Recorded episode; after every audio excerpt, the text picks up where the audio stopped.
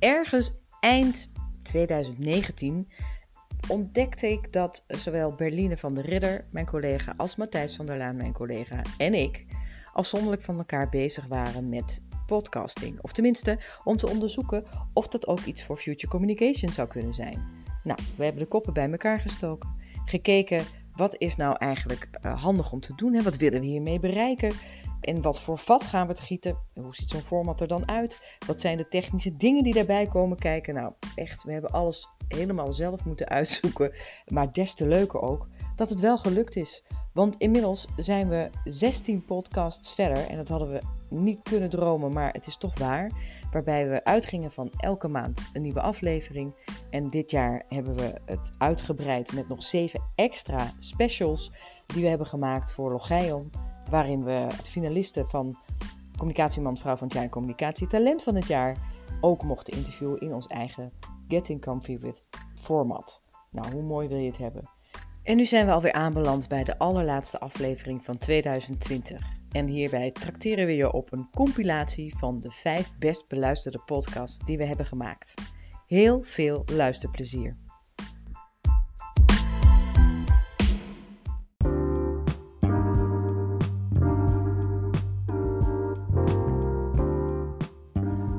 Een beetje zenuwachtig reed ik naar het huis van Betteke van Ruller. We hadden haar gevraagd of ze mee wilde doen aan onze podcast en ze had zowaar ja gezegd. Echt heel erg fijn. En ik mocht ook nog bij haar thuis langskomen, waar ik warm werd welkom geheten en waar we een heel mooi gesprek hebben gehad over ons fijne vak. Luister mee naar Betteke van Ruler, onze eerste podcast. En als je goed luistert, dan hoor je dat Betteke wat zachter is te verstaan dan ik. En het komt omdat ik niet durfde te zeggen dat ze iets dichter bij de microfoon moest gaan zitten. Geniet mee van Betteke.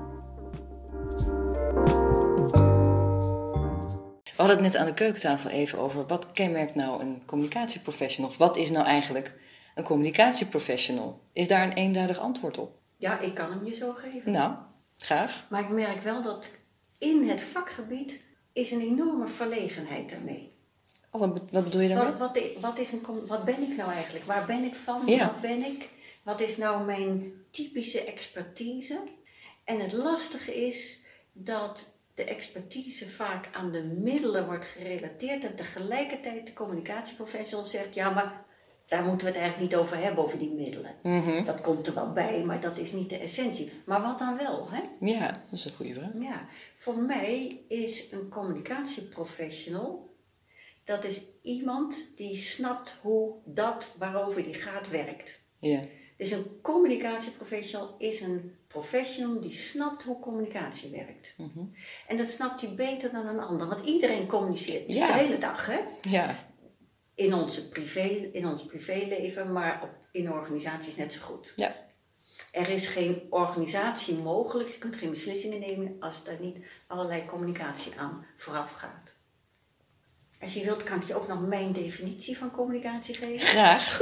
ja, zeker. Ja, want we hebben het natuurlijk heel erg over gedrag tegenwoordig en over gedragsbeïnvloeding. Maar als je kijkt, communicatie is natuurlijk gewoon een vorm van gedrag. Ja. Je doet het. Mhm. Of wat we in de communicatiewetenschap liever zeggen, een vorm van handelen. Het is bovendien een vorm van sociaal handelen. Mhm. En sociaal handelen wil zeggen dat in dat handelen altijd een ander of anderen meespelen. Daar heb je een betrekking mee. En het is ook nog eens een keertje pas communicatie als je sociaal handelt met tekens en symbolen. Mhm. We zouden dat tegenwoordig in het gewone taalgebruik zeggen met content. Precies. Dus je wisselt content uit. Dat is communicatie. Ja. Maar dat kan toch iedereen? Nou, dat denk je maar. Ja, nou. Dat denken heel veel mensen. Als het makkelijk was, was er niet zoveel misverstand. Hmm. Als het makkelijk was, dan was er niet zoveel oorlog. Als het makkelijk was, dan zouden organisaties eh, ook wel iets beter zijn in hun communicatie. In het verleden hebben communicatieprofessionals iets te veel met hun rug naar, naar de organisatie toegestaan. Die waren bezig met voorlichten en reclame maken. Ja. En wat er allemaal in die organisatie gebeurde, daar bemoeiden wij ons eigenlijk niet mee. Ja. We hadden wel zo ons commentaar erop, maar dat is wat anders. En je ziet dat op een gegeven moment het hele veld van interne communicatie erbij kwam Ja. in het vakgebied. Maar aanvankelijk was dat eigenlijk vooral in de vorm van bedrijfsjournalistiek, dus nieuwsvoorziening. En eh, de promotie van het beleid van de top. Ja. Maar nu zie je dat steeds meer gezegd wordt: een moderne organisatie is een communicatieve organisatie, Mhm. waarin iedereen op een goede manier communiceert. En daar is ook een rol Precies. De- weggelegd. Ja. Oh, ja, dat is zo ingewikkeld, dat gaat niet vanzelf goed. Nee. En daar moet je mensen dus bij helpen, Mhm. faciliteren, opvoeden. Opvoeden zelfs. Of soms, sommige mensen moeten echt gewoon opgevoed worden. Ja. Ja, beslist. Volwassenen educatie noemen we dat maar net hoor. Ja. ja. Wat is het ergste wat u daarin heeft meegemaakt? Ik denk, nou, dit is zoiets. Nou, wat ik in mijn colleges vaak gebruik, is een foto van vorig jaar van de ING. Mhm. Toen er net zo'n enorme hetze was over het salaris van Ja. de CEO, meneer Hamers. Was er een grote aandeelhoudersvergadering en de hele journalistiek was daar natuurlijk op afgekomen. Uiteraard. En de volgende dag stond er een foto in de krant van die hele eh, dat, die bestuurslaag van ING en meneer Hamers. En ehm, volgens mij was Jeroen van der Veer toen eh, president-commissaris. En je ziet ze, wel, zo'n belangrijk moment gaat het over die hetze waar ING in zat. En je ziet ze op die foto allemaal op hun telefoon zitten te rotzooien of een beetje verveeld te zitten kijken. Hmm. Op geen enkele manier geïnteresseerd eh, Met in wat die Jeroen van der Veer aan het vertellen is. Die is overduidelijk aan het praten. Zelfs die Hamers, die toch een speelfiguur is, die zit op zijn telefoon te rotzooien. Nou, echt gênant. Hoe durf je met z'n allen je zo te presenteren? Ja. Dan heb je dus, eh, althans, ik interpreteer het als, je hebt lak aan ons. Ja. Wij als stakeholders, als samenleving, interesseert je geen pest. Ja, ja, ja, ja. Nou, dat vind ik wel een schrijnend voorbeeld. En daar, Maar daar dat- had je wel graag iets aan eh, willen bijdragen. Nou, ik weet overigens eh, uit de wandelgangen dat de communicatieprofessionals zich ook dood hebben gegeneerd. Ja, dat kan ik me iets bij voorstellen. En, eh, maar ja, die, wa- die waren zelf misschien ook niet voldoende in positie. Nee. Want ik zie eerlijk gezegd dat in veel organisaties de communicatieprofessionals gebruikt worden als fixers. Ja. Regel jij dat maar even. Mm. Zorg jij nou maar dat het uit de krant blijft. Zorg jij nou maar dat ze het leuk vinden. Sausjes eroverheen. Precies. Ja. Precies. Maar ja, soms kun je iets fixen. Ja. Maar als profiel van je beroep is dat dodelijk volgens mij. Want dat kun je niet waarmaken. Nee. Want wij komen natuurlijk uit de one-to-many communicatie. En de one is de organisatie en de many, many is het publiek. Eh, terwijl we veel meer na moeten denken over de één-op-één communicatie en de groepscommunicatie. Ehm, en dat zit nog niet goed verankerd in ons kennisreservoir. Nee. Maar het is ook allemaal net nieuw, dus dat is helemaal niet zo erg. Eh, en de organizational communication gaat over het alledaagse gecommuniceren. Binnen een organisatie, ja. Maar dat is dan ook binnen en buiten. De- eh, helaas bemoeit het organizational communication wetenschapsgebied zich vrijwel niet met het naar buiten Nee, treden. oké. Maar ook daarin beginnen zij Ja. wat op te schuiven. Want ik kan me voorstellen Maar dat daar ook wel, eh, zat dat wat meer bij die corporate communication Ja, ja. kant. Maar het hele menselijke aan gecommuniceren, daar ben ik nu heel erg mee bezig. En eh, ik denk dat wij daar ook steeds meer behoefte aan hebben in het communicatievak. Ja. Als u zo terugkijkt hè, op uw carrière, wat is dan het beste advies wat u ooit heeft gekregen? Weet je, je krijgt in de loop van je carrière af en toe adviezen. En bij sommige dingen denk je, ja, daar kan ik niks mee. En bij andere dingen denk je, oh Komt hij ineens weer langs? Ja. ja.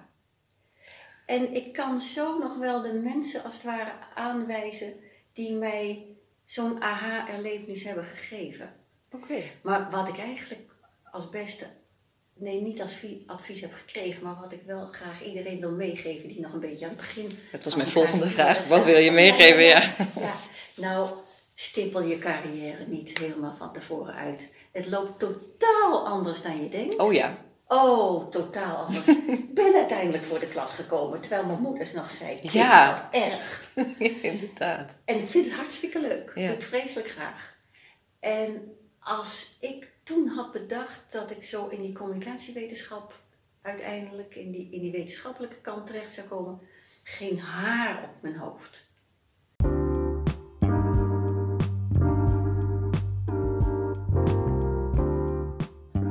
Paar weken voor de eerste lockdown in maart sprak ik Ina Strating. Expert op het gebied van crisis en crisiscommunicatie. Heel bijzonder als je nu weet nou ja, waar we in zijn beland uiteindelijk. We hebben het in dit gesprek helemaal niet over de coronacrisis gehad, want die was er gewoonweg nog niet. Wel zijn er hele belangrijke en praktische tips overal eh, verteld door Ina. En aan, aan de hand van voorbeelden waar we nu nog steeds iets aan kunnen hebben in deze crisis. Luister mee naar Ina Strating.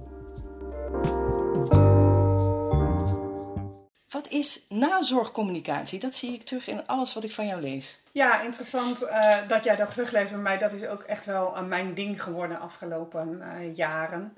Eh nazorgcommunicatie gaat om eh, hoe we met elkaar omgaan, hoe we met elkaar communiceren na een incident. Oké. Ehm, als je een incident hebt, eh, ja, bijvoorbeeld met doden en gewonden, en er zijn hulpdiensten geweest, dan zeg ik altijd: als de sirenes zwijgen, Mhm. dan komt er daarna nog zoveel meer. En eh, die communicatie, dat eh, noemen we nazorgcommunicatie of communicatie in de nafase ook wel. Ja, en wat houdt het dan in? Dat houdt in dat we heel eh, erg eh, goed opletten dat eh, de mensen die getroffen zijn, dus de getroffenen, dat die als allereerste ook informatie krijgen van de overheid of van het bedrijf waar iets gebeurd is. Dat zij dat rechtstreeks te horen krijgen en niet via de media. Dus dat zij weten wat de feiten zijn. Ja. Kun je een voorbeeld geven van, van nazorgcommunicatie? Ja, dat kan ik zeker. Ehm, als je bijvoorbeeld denkt aan de MH17, Ja. eh, de, met heel veel eh, nabestaanden, eh, is inmiddels alweer ja, vijf, zes jaar verder. Ehm, wat je merkt is dat daar hele grote behoefte is en was en, en is nog steeds, want straks begint ook de strafzaak over Ja. twee weken. dat die mensen als eerste geïnformeerd zijn. Dus de overheid heeft daar een vliegramp Oekraïne.nl. Hij staat nog online. Waarbij er een besloten gedeelte is voor nabestaanden en een openbaar gedeelte voor media en mensen die meer willen weten hoe dat in elkaar eh, zit en wat, wat daar te melden is over die ramp. En eh, dat heeft heel goed gewerkt, ook voor nabestaanden, omdat zij daar de feiten konden vinden. Het gaat erom dat zij feiten weten. Ja. En dat is een middel, hè? De, de, en dat noemen ze een, ja, een één-loket-functie eigenlijk Mm. online. Eh, en die, eh, ja, dat is een voorbeeld van het eh, organiseren van nazorgcommunicatie. Je zegt net, in het vak wordt het wel losgezien of wordt het Nou, anders benaderd? niet door iedereen hoor, maar het wordt, kijk, als je eigenlijk nog nooit een flinke crisis, in een flinke crisis hebt gewerkt. Toen ik begon, eh, 15 jaar geleden, ik wist helemaal niet dat er ook nog een nafase was. Dus als Ja. je gaat kijken naar de lessen die ik zelf heb moeten leren, eh, is het al eh, ja, eh, logisch dat als je nog nooit een- in een crisis hebt gewerkt, dat je ook dat helemaal nog niet weet. En dat is ook niet erg. Nee. Kun je het ergens belangrijk. leren? Ja, je kunt het op zich wel ergens leren. Er is gelukkig de laatste jaren heel veel meer aandacht voor dit stuk van de crisisbeheersing. Het is, ik vind het nog steeds een heel ondergeschoven kindje. Ja. Ik merk wel dat er steeds meer aandacht voor komt. Want het emotionele stuk van het vak krijgt ook meer aandacht. En dat merk ik aan alles. Dus er zijn heel veel stappen wel gemaakt. En nu is het nog voor mij, tenminste mijn missie, de kunst om nafase daarin te gaan verweven. Communicatie in de nafase, dat we met elkaar ook stappen kunnen maken. Dat de verbinding tussen crisiscommunicatie en communicatie in de nafase een natuurlijk ding wordt. ja, precies. De crisiscentrale. Ja, Vertel eens. Crisiscentrale. Ehm, twee jaar geleden samen met eh, collega Mariska de Gooijen opgestart. Wat ik tegenkwam in het veld. eh, ik help veel bij in, tijdens crisis zelf. Ook in NAVA's, maar zeker ook tijdens crisis zelf. dat, ik zeg altijd, goede mensen staan voor de klas. Als je goed bent in crisiscommunicatie, ga je ook trainen, uh, dan ga je oefeningen doen, et cetera. En als er dan ergens een keer een crisis is, incident, ja, dan staan die mensen zijn dan niet beschikbaar, of in ieder geval niet direct. En dat is dan natuurlijk wel nodig. Um, ik heb uh, geconstateerd dat er heel veel mensen wel crisiscommunicatie willen doen en ook doen tijdens een crisis. Alleen als je dat gaat bundelen, kun je met elkaar meer doen. Ja. Maak je een robuustere club. En dat is de, uh, ja, de basis nog steeds van de crisiscentrale. Betekent dat we met elkaar ja, crisis kunnen, uh, kunnen uh, helpen tijdens crisis. Ook -hmm. daarna, maar met name tijdens. En dan kunnen organisaties bij ons een abonnement afnemen of bellen naar ons 0900 nummer. En dan komen we helpen. En er is okay. altijd iemand die die telefoon opneemt. Dus het is gegarandeerd dat er dan iemand bereikbaar is om advies te geven, et cetera. Ja, onze hoogste missie, hè, dus mm -hmm. niet nog meer gevolgschade hebben, dan, uh, ja, dan moet je er soms ook wel heel snel bij zijn. Ja. En gevolgschade bedoel jij dan? Uh, Op alle niveaus. Dus ja? ook financieel, ook logistiek en met name ook emotioneel. Zeg maar dat mensen uh, hoe eerder je erbij bent als je een traumatische gebeurtenis meemaakt, hoe uh, minder gevolgschade je kan hebben. Ik wil niet zeggen dat het zo is, maar nee. het kan. Dus het is belangrijk ook om te weten dat een, een, mensen hebben niet zomaar een trauma. Een traumatische gebeurtenis is wat anders. Dus een traumatische gebeurtenis betekent je hebt dat meegemaakt. Maar er zijn mm-hmm. heel veel mensen die op een hele eigen manier mee omgaan.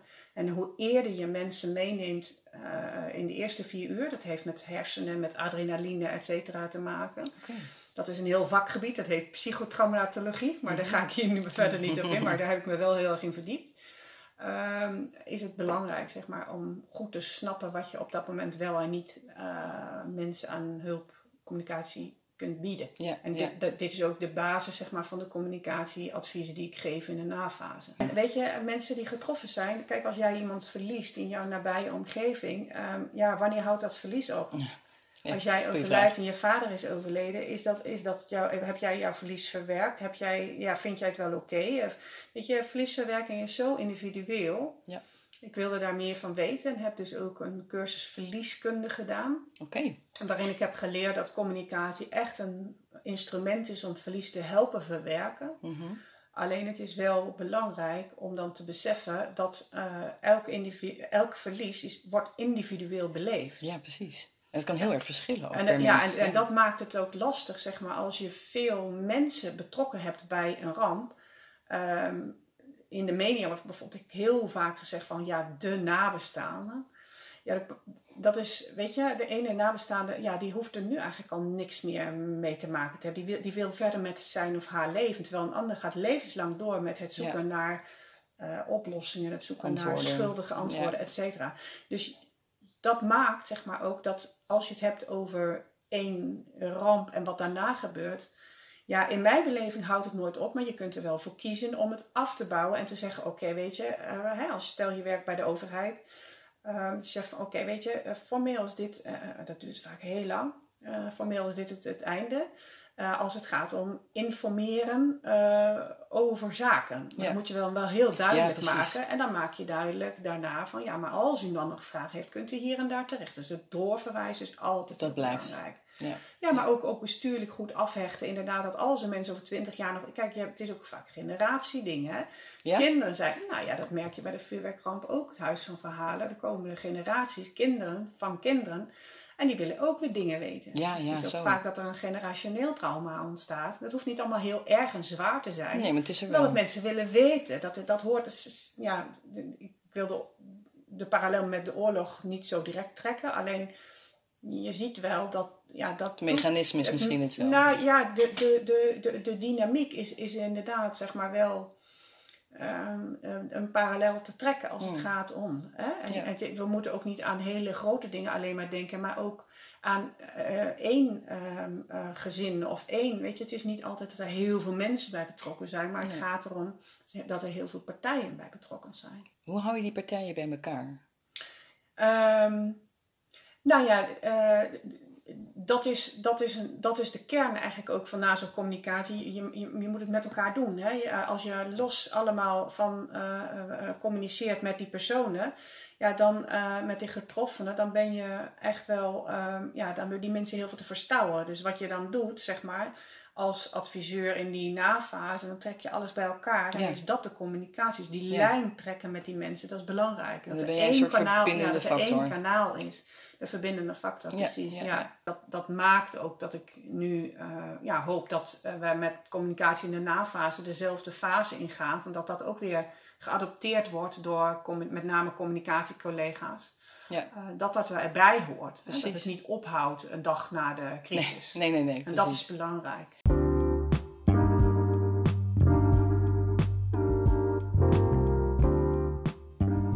Medewerkers is blije klanten is meer business value. Dat zijn de gevleugeld woorden van Sascha Becker, communicatieman van dit jaar 2020. We mochten hem interviewen in het kader van de specials die we hebben opgenomen met alle finalisten van de Communicatie Man-Vrouw van het jaar en Communicatie Talent van het jaar. Employee Journey, daar ging het over. Luister mee naar Sascha Becker.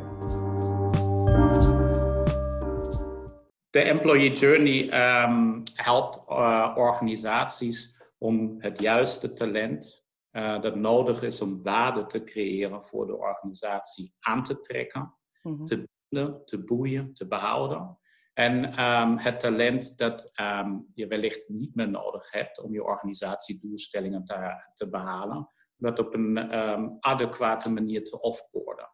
En daar gaat de employee journey over. En, uh, en employee journey moet je zien als een raamwerk, um, wat jou als organisatie dus inderdaad faciliteert um, om uh, dus de juiste talenten aan te trekken en te behouden. In de praktijk ziet uh, als volgt uit. Um, mijn collega Wende en ik hebben een model ontwikkeld. Um, en op basis van dit model en op basis van de doelstellingen die je als organisatie hebt, kun je nadenken over de gaps die je als organisatie hebt. En kun je op basis van het model vervolgens nagaan hoe je deze gaps uh, kunt dichten. Rekening houden met de zes beïnvloedingsfactoren die wij um, um, uh, gedefinieerd hebben.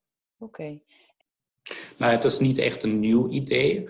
Uh, wat wel nieuw is, is dat um, ik eigenlijk nagedacht heb over een model.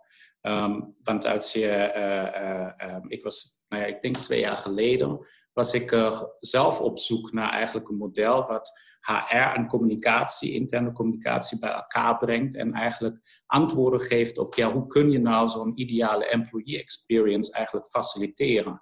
En ik kwam toen tot de conclusie dat er niet één model was. Okay. Dus nu is het, in, is het in die zin wel, omdat er nu één integraal verhaal is en één visie ligt die zowel uitgaat van internal comms, dus interne communicatie, maar mhm. ook rekening houdt met de kennis uh, vanuit de HR-invalshoek in jouw pitch staat dat je, dat je een soort strijd aangaat hè, om die employee journey structureel op de kaart te zetten. Hoe doe je dat? Ja, uh, nou ja, dat, dat doe ik uh, ten eerste überhaupt door het model uh, wat ik ontwikkeld heb. Um, dat doe ik door het boek dat ik geschreven heb om toe te lichten van ja, hoe ga je dit model nu eigenlijk inzetten?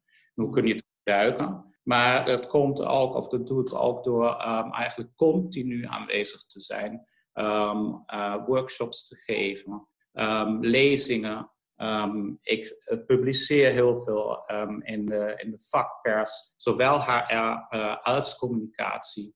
en eigenlijk continu aanwezig zijn, dat helpt. En wat daar in deze wel belangrijk is, is dat je continu eigenlijk de link legt met de business. Dus datgene wat wij doen vanuit internal comms, dat is gewoon waardecreatie voor de organisatie. En jij moet continu die link maken met de business.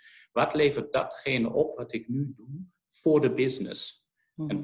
Het zo belangrijk om nu te investeren in je employee experience of in de employee journey of onderdelen hiervan? En wat gaat het jou uiteindelijk opleveren als organisatie? En niemand is erop tegen um, en, en, niemand kan erop tegen zijn uh, en, en, en, zeggen van ja, het is, medewerkers zijn niet belangrijk. Nee, maar uh, toch zit daar misschien een angst om daar wel je volledig op te richten. Wat, wat nou ja, kan dat ik, zijn, denk je? Nou ja, ik denk dat het um, heel vaak te maken heeft met um, een, een, zorg uh, die men heeft als organisatie.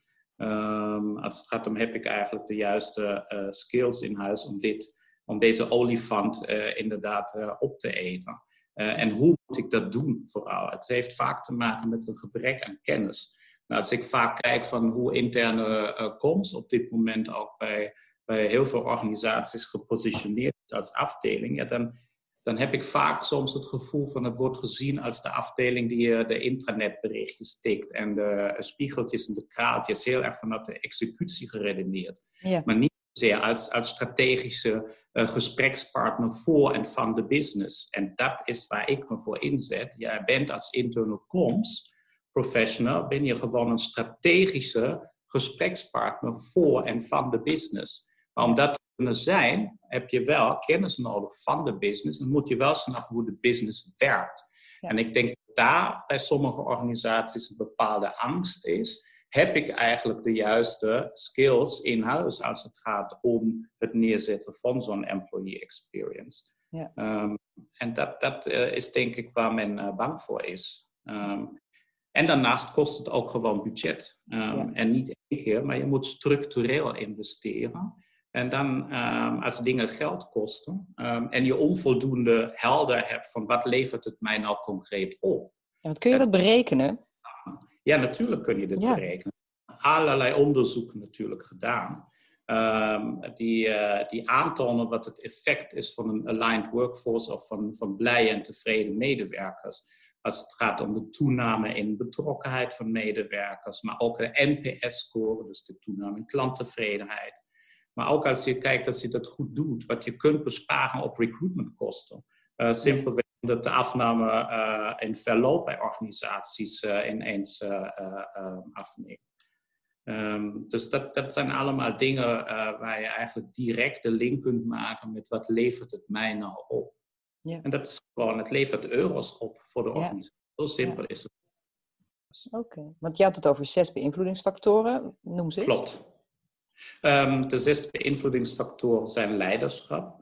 Uh, dus hoe uh, faciliteer je leiders? Hè? Dat ze um, de teamleden die ze uh, hebben adequaat faciliteren. En dat je echt een dialoog krijgt over talent. Um, wat kun je met je talent? Wat wil je met je talent? En hoe kan ik je als leidinggevende helpen om dat talent optimaal te benutten? Mm -hmm. En de communicatie, dat is een heel belangrijke. Uh, dat we heel duidelijk weten van oké, wat is ons verhaal als organisatie en hoe kunnen we dat op een, op een goede, logische manier intern communiceren en embedden. Medewerkers meenemen op de reis die we voor ogen hebben. Het gaat over persoonlijke en professionele ontwikkelingen.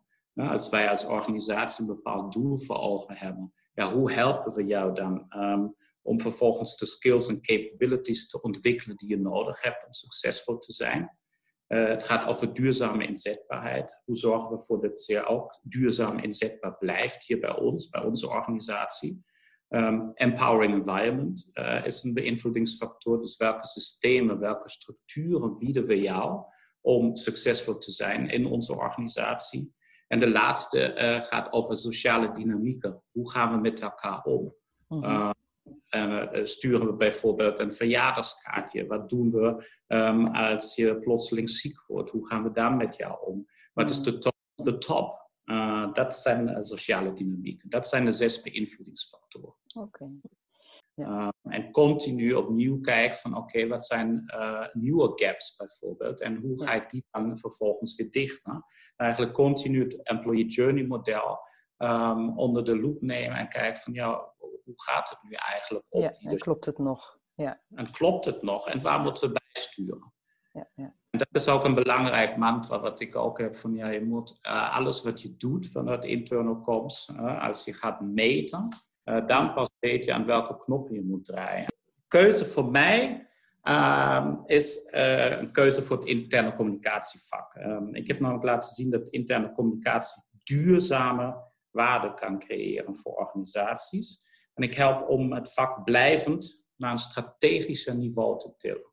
Dus weg van de spiegeltjes en kraatjes, die ook heel belangrijk zijn, maar wel toewerken naar uh, die uh, strategische business partnership, uh, strategische gesprekspartner zijn voor de business van de business en voor de top en voor je, voor je collega's. En dat is waarom ik Komstman van het jaar wil en moet worden.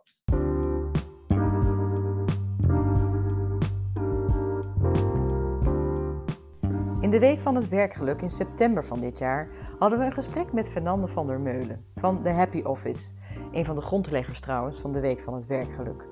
Het ging zowel over wat je zelf kunt doen als werknemer in, in je eigen werkgeluk creëren, als hoe je dat zou kunnen opzetten als werkgever en de pijlers waar je dan op moet letten.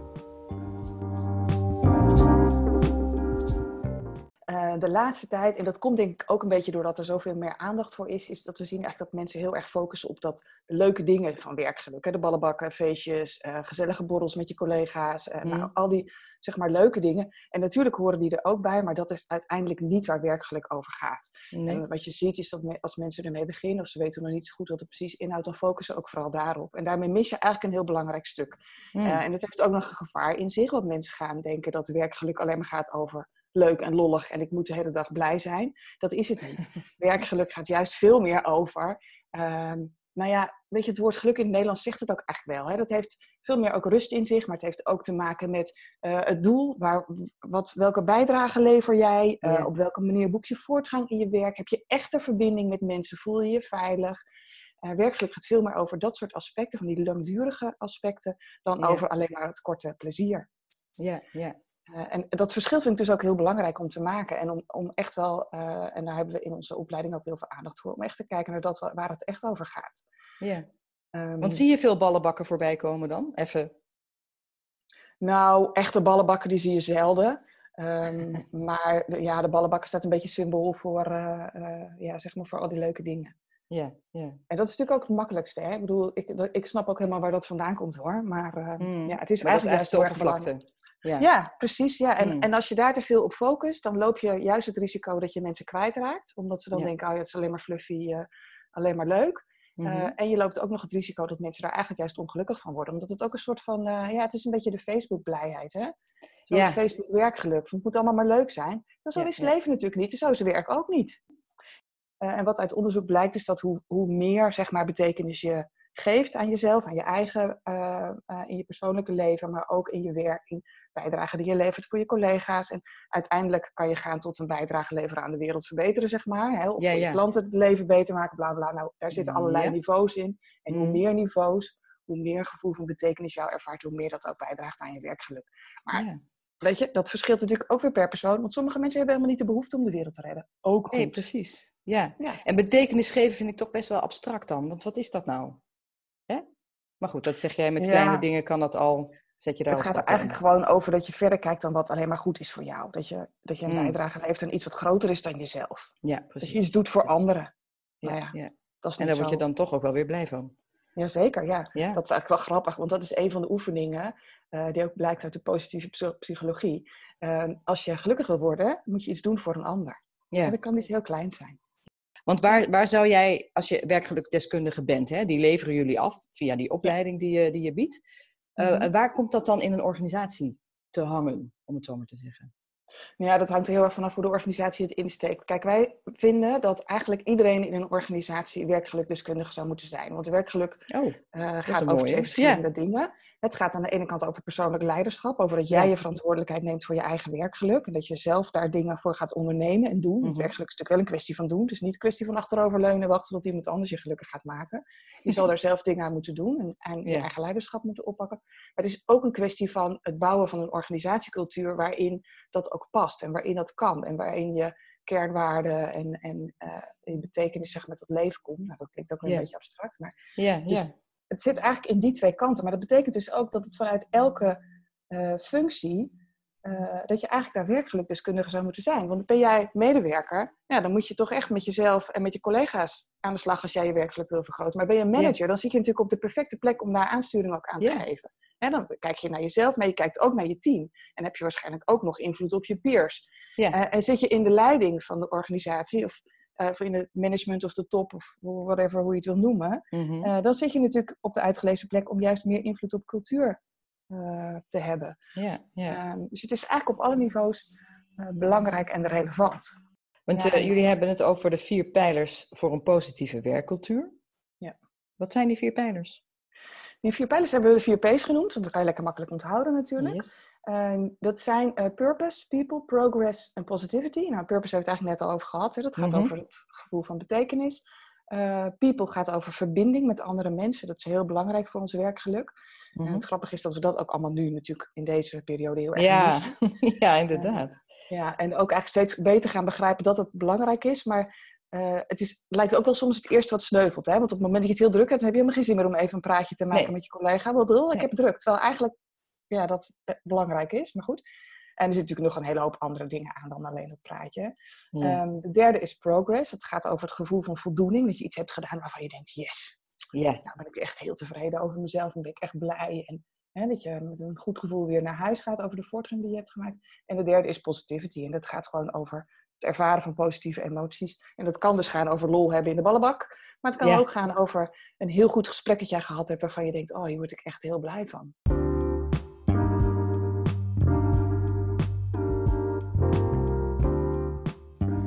Zelden heb ik zo'n lang voorgesprek en nagesprek gehad als met Mark van Vuren. Wat kan die man praten? Fantastisch. Organisatiecommunicatie is zijn vak, hij is daar hoogleraar in en zijn studenten volgen hem nog steeds op de voet. Dat zagen we ook in onze post op LinkedIn. Die kreeg namelijk de meeste reacties tot nu toe. Het was een ontzettend eh, verwarrend en chaotisch, maar ook heel boeiend gesprek met Mark van Vuren. Luister maar mee. Ja, als je het heel technisch bekijkt, is het een, ehm, een tegenstelling tussen de organisatiecommunicatie en de corporate communicatie. Ja, Waarbij corporate communicatie vooral gaat over hoe de organisatie met één mond naar buiten spreekt. ja, de- dus proberen om de boel zo te orchestreren dat er naar buiten toe één duidelijk beeld ontstaat met een reputatie en met eh, Mhm. nou, eh, allerlei eh, beelden die dat oproept bij de buitenwacht. Mhm. En dan organisatiecommunicatie is de vraag hoe je dat dan achter de voordeur organiseert. Hoe je al die verschillende stemmen zo kunt ehm, bedienen en laten spreken, dat daar uiteindelijk een eenduidig beeld uitkomt. Als je dat dan al wil. Eh, sowieso is het zo dat je ehm, vanuit corporate gedachte dat het niet alleen maar is dat je een goede boodschap hebt, maar dat er ook gedrag achter zit. Dat is ja, duidelijk. ja dat bedoel ik, ja. ja. De greenwashing en dergelijke uit. Mhm. Maar het spannende vanuit organisatiecommunicatie is dat het niet zo is dat je eh, moet doen wat je zegt, maar dat eh, wat je zegt en wat je, dat, dat dat wordt wat je gaat doen. Dat dus de, eh, dat wat je zegt vormt je organisatie in een bepaalde manier en daardoor blijft het een continu proces, meer een, het werkwoord organiseren, hoe we daar continu mee bezig zijn, dan Mhm. eh, de organisatie als een soort gebouw met een voordeur en een, en een logo op, op de muur. ja, dat is wel een van de mooie dingen van organisatiecommunicatie. Dat als je zo naar organisaties kijkt, eh, dat de communicatie overal essentieel is. Want Ja. probeer maar eens een groep te doen zonder te communiceren. Ja, Weet je, als niemand die groep als een groep benadert, ja, dan bestaat die groep gewoon niet. nee. Dus ehm, het, het hangt allemaal aan elkaar van wat er tussen die neuzen gebeurt. Hè, Tussen dus de neuzen, ja. Dat heb Ja, ik tussen, ja, dus niet ja. tussen de oren, dat mensen een Ja, idee hebben van hoe het in elkaar zit, maar juist tussen de neuzen, dat die ruimte die mensen hebben om samen te zoeken naar ehm, ehm, hoe ze met elkaar omgaan, welke dingen ze samen doen, wat ze prioriteit geven, hoe ze hun verhaal maken en dingen framen, ehm, dat, dat, dat dat uiteindelijk de uitkomst bepaalt. En dan is dus ja, de, de plek van communicatie en de rol van Ja. gesprekken om welk doel dan ook te bereiken. Ja, dat, eh, probeer het maar eens zonder. Ik zou het wel eens willen zien. Ja, Communicatie-naïviteit is ehm, eh, de gedachte dat, je, dat communicatie iets heel eenvoudigs is. Want we doen het namelijk de hele dag. Mhm. En dus eh, als je denkt dat het gewoon een beetje informatie heen en weer pingpongen is, dan heb je wel een soort oppervlakte van communicatie te pakken. En soms ook een cruciale, want als de brand uitbreekt, dan moet je gewoon iemand bellen en die moet dan komen. En dat, zo, zo, zo plat moet het dan zijn. ja. Maar als je denkt dat dat alles is wat communicatie is, dan ben je naïef over de complexiteit van het proces. Ja? Alsof je eh, niet dieper kijkt dan de huid en niet snapt wat er allemaal voor ingewikkelde organen en chemische processen onderlopen. Mhm. Dus wat ik, wat ik dan probeer te doen, is te laten zien hoe, ehm, hoe complex en hoe, ehm, hoe afhankelijk van een situatie en van houdingen en van de, de flow van een gesprek ehm, een, een, een co- communicatie zich, zich ontwikkelt. Hoe zich dat dan organiseert en hoe mensen elkaar ehm, slecht begrijpen of net genoeg begrijpen om eh, samen verder te kunnen. Ja, weet je, Mhm. dan, dan ben ik dus aan het, aan het compliceren en, ehm, en spannender, echter, wilder, ingewikkelder maken van wat communicatie is. Nou, als je denkt dat, in- dat communicatie alleen maar informatie is, en kennis die je kunt delen, dan ben je communicatie naïef. Want als je dat ding, als je daar water op gooit, of als het, ehm, als het na een middernacht te eten krijgt of zo, dan, ehm, wordt het een dan wordt het gewoon, dan wordt het een monster. Dan wordt het een beest die een stad op zijn kop zet. Nou, communicatie, als je dat in zijn complexiteit ziet, dan wordt het een, een, een beest, een ontembare proces van, van gekte en creativiteit en vooroordelen en eh, botsende wereldbeelden. En dat is het mooiste wat er is. Hoe jammer zou het zijn als we het dan aaibaar maken, zeg maar. Alleen maar aaibaar maken. Ja, dat is, dat is het gevoel wat jij hebt bij de, hoe, nou, hoe de gemiddelde mens tegen communicatie aankijkt nu. Ja, de, de, de niet- de niet-professionals, Mhm. ja, die, gaan, die vinden communicatie heel belangrijk. Mhm. Maar ze zien het vooral als het afwezig is of mislukt. Want dan gaan ze een proces evalueren en zeggen ze, ja, het was niet goed met de communicatie. De communicatie nee. moet beter. Ja, Maar ja. op het moment dat het lukt, op het moment dat communicatie zo mooi georganiseerd is, ja, dat heb je mensen... het er niet over. Nee, dan, dan Nee. is het zo transparant dat je er dwars doorheen kijkt. Ja. En, en de, de kunst is dus om communicatie te herkennen Mhm. als het succesvol is. En niet alleen als het afwezig is. Want we zien heus wel waar de gaten vallen. Ik denk ook dat dat het verwijt is. Dat mensen die, eh, die uitgaan van een eenvoudig idee van communicatie zeggen: ja, maar weet je, als we over dit soort dingen gaan reflecteren, dan, dan, dan doen we nooit meer wat. Maar de Ja. kunst is volgens mij voor de echt eh, mooie communicatieprofessional, waar ik er zelf een van probeer te zijn, Mhm. is aan de ene kant om ruimte te maken voor reflectie. Dat ik de, de complexiteit durf te zien en het beest in de bek durf te kijken. Mhm. En tegelijkertijd toch die praktijk ingaan, zeg maar. Toch proberen om patronen te zien. Toch proberen om de verschillende logica's die, die door elkaar lopen in een situatie eh, her- scherp te krijgen. En een kompas te houden van, oké, als we die kant op gaan, dan weten we niet wat het einddoel is. Maar we, ge- gegeven de situatie waar we nu in zitten, is dit wel de volgende stap die we moeten zetten. Ik denk dat te veel mensen bezig zijn met doen alsof ze meer weten dan ze weten. Oh ja, leg eens uit. Ja, weet je, ik heb een, een studie gemaakt naar, inter, eh, naar interdisciplinaire teams. Mhm. En ehm, eh, dus dan is er een multidisciplinair probleem en dan komen er allerlei professies bij elkaar en zo. Mhm. En die gaan aan de tafel zitten. En wat er dan gebeurt is dat iedereen net doet alsof ze het heus allemaal wel in de, in de Ja. smiezen hebben. Ja, ja. En, en terwijl, hey, het probleem is multidisciplinair. Het is gewoon ondenkbaar dat jij alles snapt. Ja.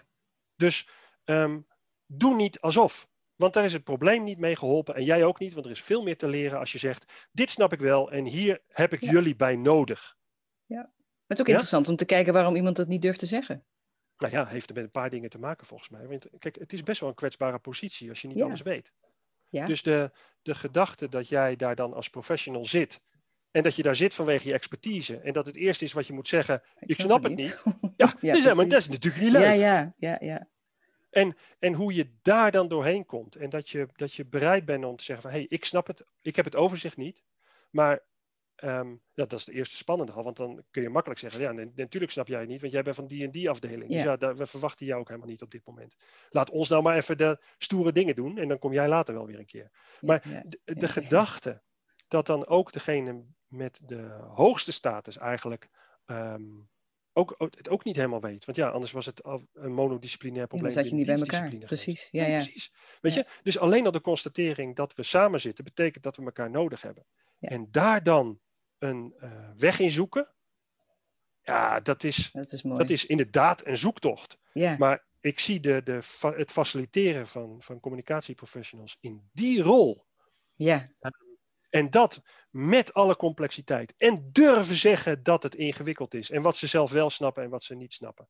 En dan voor ogen houden wat het kompas is van de opdracht die er voor ze ligt. ja, en dan ja. trouw zijn op het moment dat dat een heel ingewikkeld verhaal is. Weet je, dat, dat, is, Ja. dat, is, dat is gedrag waar je op het, op, het, op het slagveld krijgen mensen daar de militaire Willemsorde voor. Voor moed, beleid en trouw. Ja, precies. Ja, ja. En, en weet je, daar, daar horen we te zitten.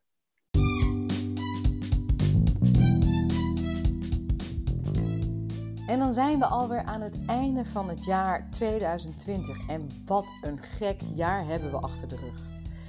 Ik wil jullie alvast alle moois, goeds en vooral gezonds toewensen voor het komende jaar. We zullen het nodig hebben. En ik wil hierbij alle geïnterviewden bedanken voor jullie belangeloze inzet. En natuurlijk ook mijn companen Berline en Matthijs. En natuurlijk jullie, luisteraars. Fijn dat jullie erbij zijn geweest. En we hopen jullie volgend jaar weer te mogen ontmoeten. Fijne feestdagen en tot de volgende!